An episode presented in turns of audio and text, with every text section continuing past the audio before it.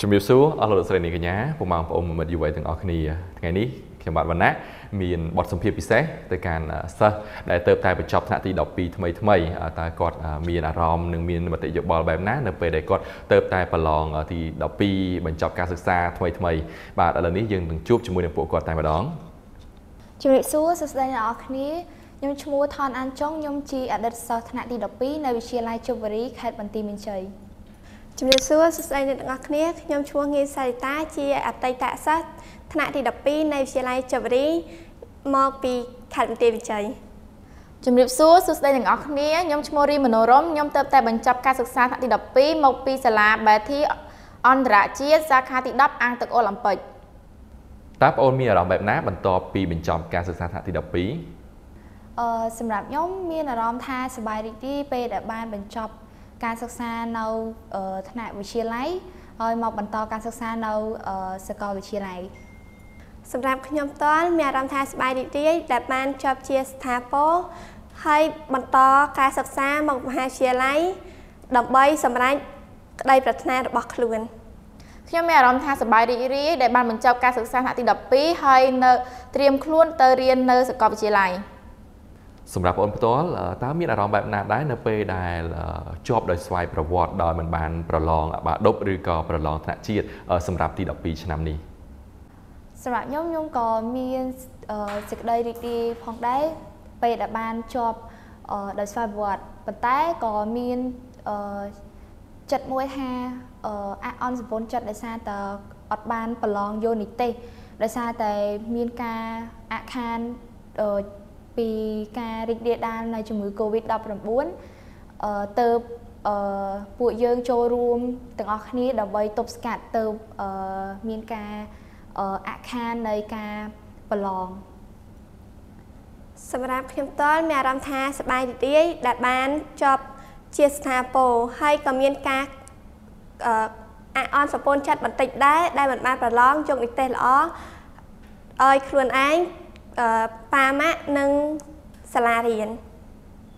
ចំពោះខ្ញុំវិញមានអារម្មណ៍ថាសប្បាយរីករាយជាខ្លាំងតែទន្ទឹមនឹងនេះផងដែរក៏មានការអាក់អន់សពុនចិត្តបន្តិចបន្តួចដោយសារតែអត់បានប្រឡងយកនិទេសល្អជូនទៅដល់ម៉ាក់ប៉ាបងប្អូន និងអ្នកគ្រូលោកគ្រូតែយ៉ាងណាមិញ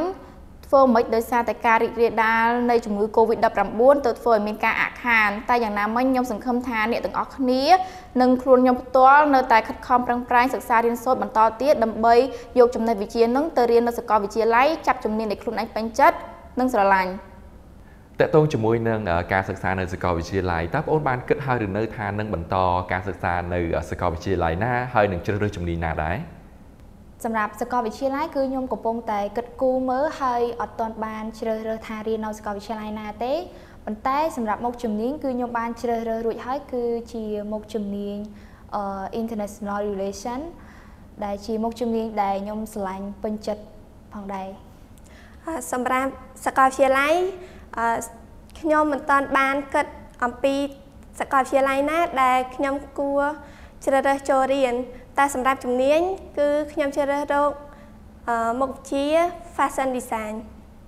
អឺសម្រាប់សាកលវិទ្យាល័យវិញខ្ញុំអត់ទាន់ច្បាស់ដែរថាត្រូវជ្រើសរើសសាកលវិទ្យាល័យណាប៉ុន្តែខ្ញុំបានមើលឃើញសាកលវិទ្យាល័យមួយចំនួនហើយដើម្បីសិក្សាមុខជំនាញខ្ញុំហើយខ្ញុំជ្រើសរើសមុខជំនាញ Logistics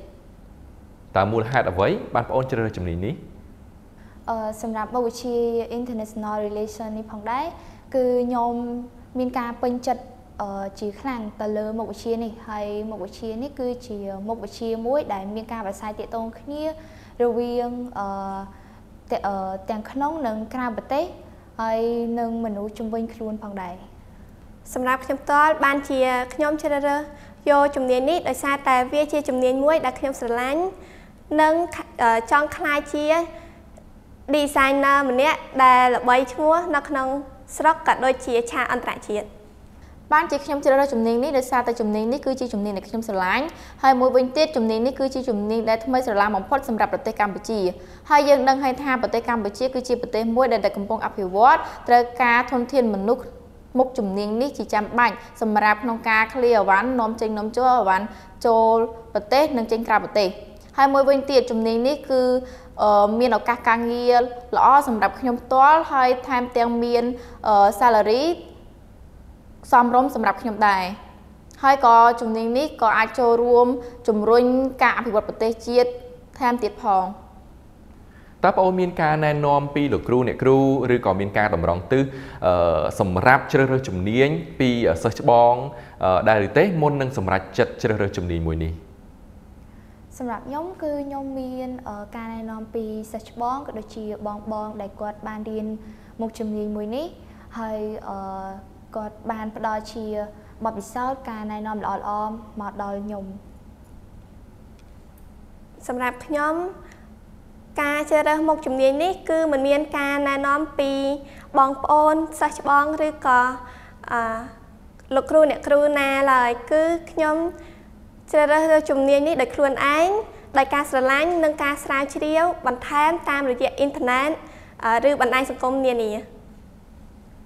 មុននឹងជ្រើសរើសជំនាញ logistics នេះខ្ញុំទទួលបានការណែនាំពីបងប្រុសរបស់ខ្ញុំពីព្រោះបងប្រុសរបស់ខ្ញុំគាត់ក៏បានទៅតែបញ្ចប់មុខជំនាញ logistics នេះផងដែរហើយគាត់បានចូលធ្វើការនៅក្រុមនៅក្នុងក្រុមហ៊ុនមួយហើយទទួលបានប្រាក់ខែសមរម្យតែអ្វីដែលសំខាន់នោះមុខជំនាញនេះគឺជាមុខជំនាញដែលខ្ញុំស្រឡាញ់ពេញចិត្តហើយខ្ញុំគិតថាខ្ញុំអាចធ្វើការបាន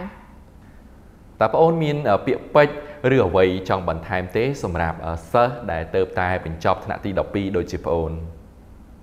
អឺសម្រាប់ខ្ញុំខ្ញុំចង់ផ្ដាំផ្ញើដល់សិស្សនិស្សិតដែលជាសិស្សថ្នាក់ទី12ដូចខ្ញុំចង់ឲ្យគាត់ជ្រើសរើសមុខជំនាញណាដែលខ្លួនឯងស្រឡាញ់ហើយខិតខំប្រឹងប្រែងរៀនសូត្រដើម្បីបំពេញនៅសេចក្តីសម័យរបស់ខ្លួនឯងបន្តទៀតខ្ញុំមាន ពាក្យបាច់ខ្លះខ្លះផ្ញើផ្ដាំទៅដល់អ្នកដែលទៅតែបញ្ចប់ទី12ថាកុំកុំបោះបង់នៅអ្វីដែលខ្លួនស្រឡាញ់ត្រូវបន្តខិតខំរៀនសូត្រនៅមហាវិទ្យាល័យប្រឹងប្រែងដើម្បីសម្រេចក្តីបំណងរបស់ខ្លួន។ ចំពោះខ្ញុំផ្ទាល់ខ្ញុំចង់ប្រាប់ទៅដល់អ្នកដែលទៅតែបញ្ចប់ការសិក្សាថ្នាក់ទី12ដូចជាខ្ញុំឲ្យនៅតែខិតខំប្រឹងប្រែងសិក្សារៀនសូត្រទៅមុខបន្តទៀតព្រោះថាជីវិតទី12វា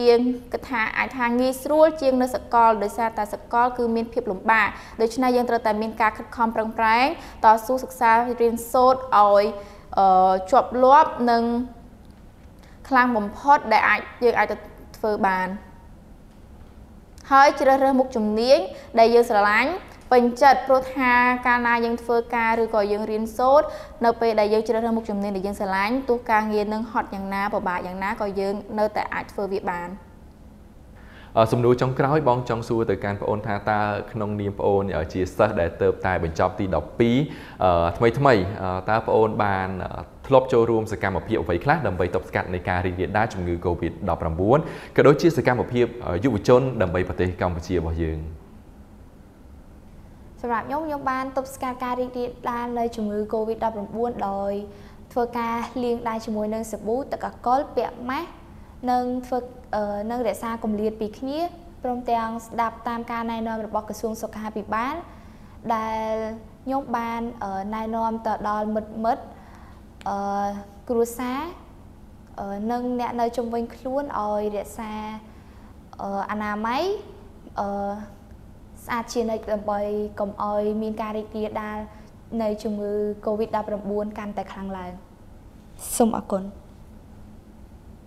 ក្នុងនាមខ្ញុំជាសិស្សថ្នាក់ទី12ដែលទៅតែបញ្ចប់ការសិក្សានេះខ្ញុំបានចូលរួមសកម្មភាពទប់ស្កាត់ជំងឺ Covid-19 នេះដូចជា ការលាងដៃជាមួយនឹងសាប៊ូឬទឹកអាល់កុលឲ្យបានញឹកញាប់ការរក្សាគម្លាតការពាក់ម៉ាស់និងស្ដាប់តាមការណែនាំរបស់ក្រសួងសុខាភិបាល ជាចុងក្រោយខ្ញុំសូមជូនពរឲ្យអ្នកទាំងអស់គ្នាមានសុខភាពល្អនិងជៀសឆ្ងាយពីជំងឺ Covid-19 នេះគ្រប់គ្រប់គ្នាសូមអរគុណ ក្នុងនាមខ្ញុំជាសិស្សដែលទៅតែបញ្ចប់ការសិក្សាថ្នាក់ទី12រួចមកខ្ញុំបានចូលរួមក្នុងការទប់ស្កាត់ពីជំងឺ Covid-19 ដូចជា ការលាងដៃជាមួយរឿងសាប៊ូឬទឹកអាល់កុលឲ្យបានញឹកញាប់រក្សាគម្លាត និងពាក់ម៉ាស់ឲ្យបាន ត្រឹមត្រូវលើសពីនេះទៀតត្រូវស្ដាប់តាមការណែនាំរបស់ក្រសួងសុខាភិបាលនៃព្រះរាជាណាចក្រកម្ពុជា ផងដែរលើពីនេះទៅទៀតការចូលរួមសកម្មភាពយុវជន ខ្ញុំបានចូលរួមជាសមាជិកកាកបាទក្រហម ដែលបានចូលរួមជួយគ្នារៃអង្គាសថវិកាពីប្រជាពលរដ្ឋដែលមានជីវភាពធូរធារទៅជួយអ្នកដែលមានជីវភាពក្រលំបាកឬទុរគតជាចុងបញ្ចប់នេះខ្ញុំសូមអរគុណនិងគោរពលា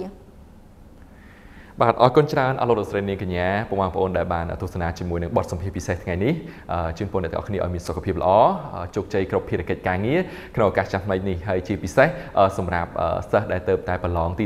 12បញ្ចប់ទី12ថ្មីថ្មីសូមជូនពរឲ្យពួកគាត់ជោគជ័យនៅជីវិតមហាវិទ្យាល័យជីវិតសាកលវិទ្យាល័យនិងជ្រើសរើសជំនាញដែលខ្លួនឯងពេញចិត្តនិងជំនាញដែលខ្លួនឯងស្រឡាញ់ហើយមិនត្រឹមតែប៉ុណ្ណោះជូនពរឲ្យពួកគាត់បាទជោគជ័យបាទនៅក្នុងវិស័យការងារនៅពេលអនាគតបាទគណៈពេលវេលានេះវត្តមានខ្ញុំបាទវណ្ណៈសូមអរគុណសូមគោរពលា